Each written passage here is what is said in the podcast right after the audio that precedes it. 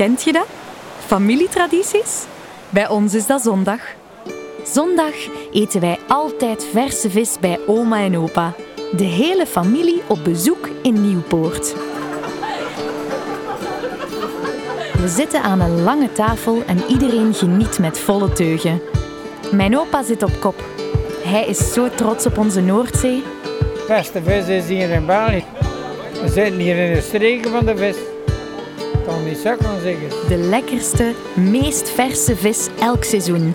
Dat is de essentie. Dan op het laatste moment met garnalen en een klein beetje room met eh, twee eieren. Mijn omaatje.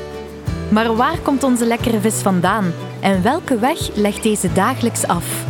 Ik ben Line, 32 jaar, en om deze familietraditie te eren ga ik op zoek naar het echte verhaal achter onze Belgische vis. Vaart je mee? Dit is Van Boord tot Bord. In de vorige aflevering hoorden we Steve en Jasmin. Zij gaven ons inzicht in de wervelende levens van de vissers op zee en hoe ze als gezin hiermee omgaan. Maar vandaag laat ik mij meenemen door reder Bruno en ik bezoek de Vlaamse visveiling bij Sylvie Beckhaus. Let's go! We staan op de kaai in Zeebrugge. Het is kwart voor acht en ze hebben mij verteld dat Bruno hier aan het werk zou zijn. Bruno? Ja, dat is het. Is het? Wow. Hallo, goedemorgen. Hallo. Van, eh, wat Dag Bruno. Hey, goedemorgen. Hallo, ik ben Line. Ik zou vragen, welkom aan boord anders misschien. Ik zou anders hier star gaan, want hier is er, wordt er redelijk veel gewerkt op het ogenblik. Er zijn eh, vernieuwingen aan het doen en dat schip moet vrijdag varen. Zo dus eh, daar is het vrij druk. Zeg, maar wat zijn jullie allemaal aan het doen misschien? Oh ja, het schip is drie, vier maanden weg. En we werken met een beurtrolsysteem. Zes man aan boord. En twee man die elke reis op en af gaat. Die wisselt. Dus nu is dat meestal naar Ierland door de brexit. Vroeger was dat gewoon naar Engeland met, met busjes, met bemanningstransport. En nu is dat na Zaventem met de vlieger naar Dublin vliegen. En dan doorrijden met de taxi naar Hout. We vissen natuurlijk heel Europa rond. We hebben eh, de Golf van Biscayen campagne beëindigd, omdat ons quota erop is. En dan is dat natuurlijk, was dat constant varen op La Palisse, La Rochelle. Maar dat is dan met een bemanningstransport, met busjes dat we hier hebben, die ingezet worden door de VVC, door de visserijcoöperatie. En dat is dan eh, een uur of 11, 12 met busje. Het is, het is een 900 kilometer in La Palisse. En iedere keer twee man op, twee man af. En het schip blijft constant varen, maar als de schepen dan naar België komen, dan moeten alle karweitjes, klusjes voor de keuring. Ook hier heb ik straks de keurder, de scheepskeurder. Er is een voorcontrole. Daar zeggen ze, ja, dat, dat puntje moet dan gewerkt worden. Dit moet nog een beetje weer bijgesteld worden. Of, eh, en nu moet ik uh, nazicht de controle van, van die punten die eh, opgegeven waren. Wow, wow, wow, wow, wow, Bruno. Eh, de golf van Biscay, een keurder. Je zijt mij eventjes kwijt. Jasmin vertelde mij in de vorige aflevering iets over de redercentrale. Nu zitten we momenteel in de redercentrale. Dus eh, ja, dat is waar ik werk. Eh, dat is in Oostende. En eh, we noemen dat eigenlijk een producentenorganisatie. Dus om het simpel uit te leggen, is dat eigenlijk een overkoepelende organisatie die alles doet om de belangen te verdedigen van onze Belgische visserij. Aha, maar wat is een reder? En wat doet hij juist? Een reder is eh, een persoon die alles doet voor een schip voor het klaar te maken. Dus ik ben een vissersreder en ik zorg dat het schip varens klaar is op alle gebieden, zowel op veiligheidsvlak, zowel op eh, proviand aan boord doen, eh, eten voor de mensen, benodigdheden. Een keer het schip in is, gaat de bemanning naar huis. Samen nog juist de vis lossen en dan moet ik zorgen dat tegen de dag van voren alles weer klaar is, dat alles in gereedheid gebracht wordt voor het schip te kunnen doorvoeren. En hoe word je dan reder, Bruno? Want vroeger was je visser. Uh, hoe word je reder? Uh, oh ja, door een schip te kopen natuurlijk. En ja, is vrij moeilijk. Ja. Het, is, het is financieel uh, een grote stap. Ja. En mag ik dan iets stouts vragen, Bruno? Hoeveel is zo'n schip eigenlijk waard? Ik kan eigenlijk kunnen beginnen omdat ik een goede schipper worden, omdat ik veel geld verdienen. Dus uh, een, een, een nieuwbouwschip kost nu op vandaag zeker 8 miljoen euro. Dan heb je nog maar enkel het schip die kan vissen. Maar je bent niks zonder vislicentie. Een schip met een vislicentie, een schip van 20 jaar oud, als ik dan moet een getal op plakken, zeg ik 3 miljoen euro. Uh, een miljoen half voor het schip en een miljoen half voor de vislicentie. Maar pak die vislicentie weg en die miljoen half van dat schip is maar 100.000, want het is maar een, een hoopje oud deze niet meer. terwijl Bruno mij met zijn reuze handen liefdevol begeleidt over... Hoe heet dat bruggetje hier? Dat hangen wij om veilig aan boord te komen. Hangwee. Dank u wel. Die hadden we vroeger niet. Vroeger was het klooter dan boord, hè. en eh, dus nu niet meer, hè, ondertussen. Zeg, en die Z48, wat betekent dat? Dus elke haven heeft een voorletter. Zo dus, like hier in België is dat de O van Oostende. De Z van Zeebrugge en je hebt twee eenheden die een B voeren. Van Blankenberge. Maar Blankenberge is die diep genoeg. En die varen op Zeebrugge. Die schepen, oh, Zeebrugge of Oostende. hè. Maar ik vaar met, met, met zit. Allemaal, eh, alle vier de vaartuigen hebben zit. En dus Z7, Z45, Z47, Z48 en dan nog Z67. Allemaal boten van u. Ja. Hoeveel boten heb jij? Hier. Veel werk. Draai-. Bruno draait zich om en met een glimlach lopen wij opnieuw over een hangway. Deze keer van de Z47. De trapjes af. Ik kan hem bijna niet bijhouden. En elke boot heeft dan ook nog eens een vrouwennaam. Hoe heet de Z47? De Marie-Louise. En dat komt eigenlijk van dat liedje in de tijd van Bart Kajel. De Marie-Louise, dat was dan echt in, in trek. En dus die, de persoon die dat bouwde, eh, heeft daar eh, zijn schip naartoe vernoemd.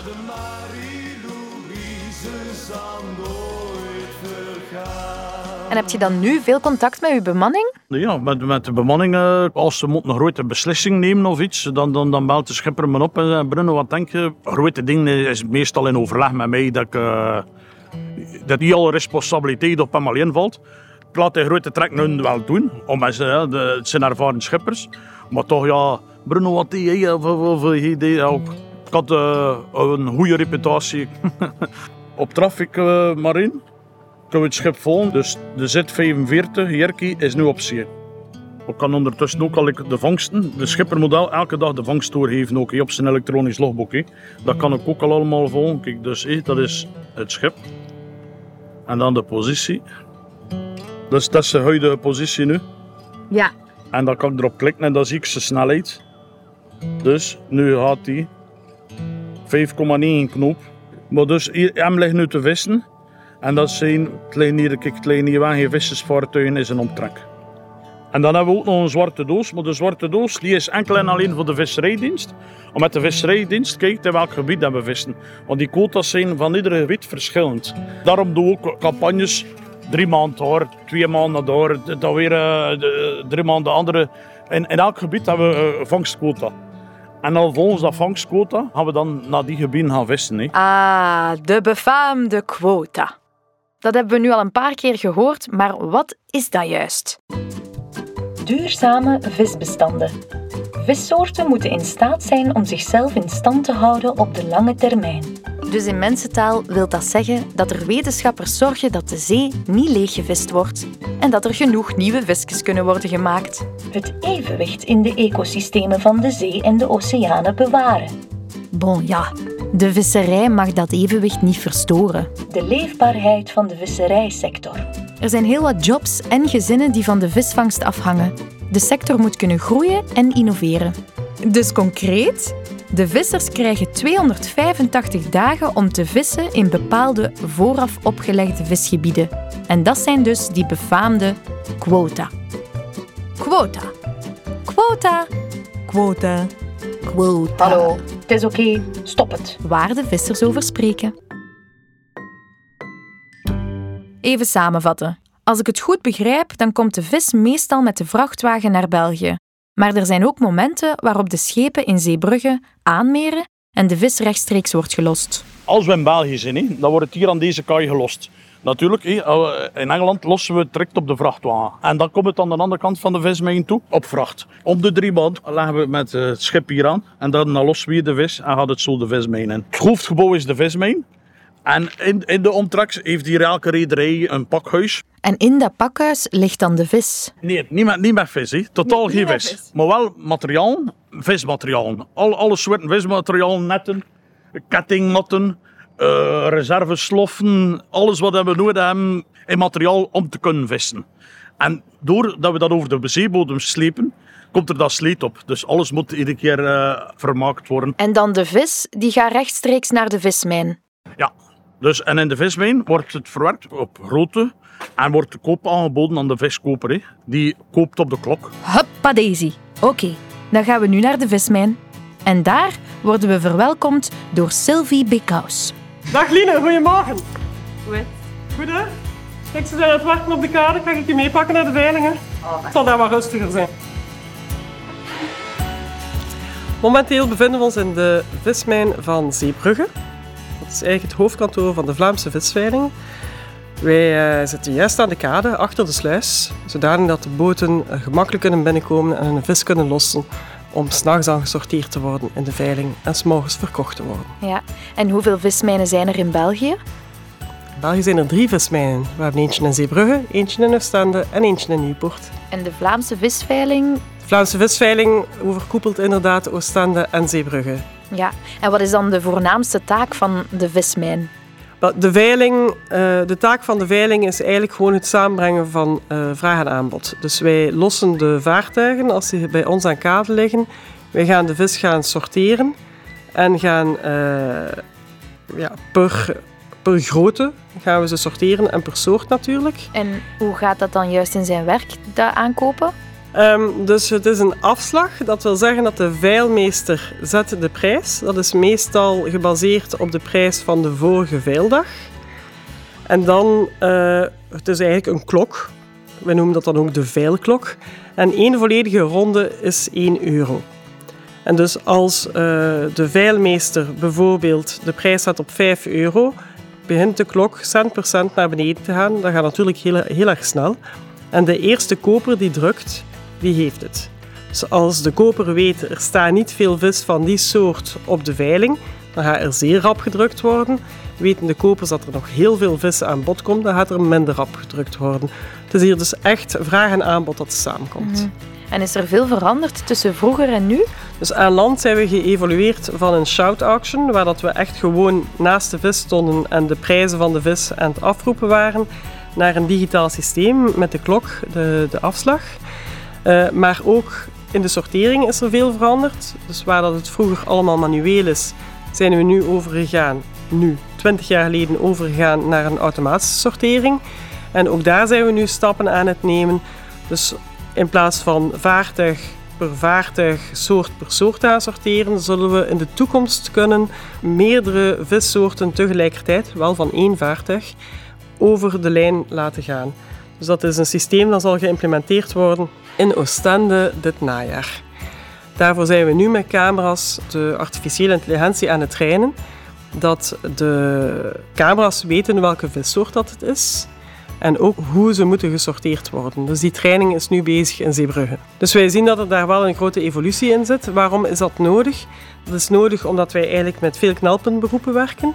Dat is één. Maar twee, de vereisten van de overheid en ook van de reders worden alsmaar eh, groter.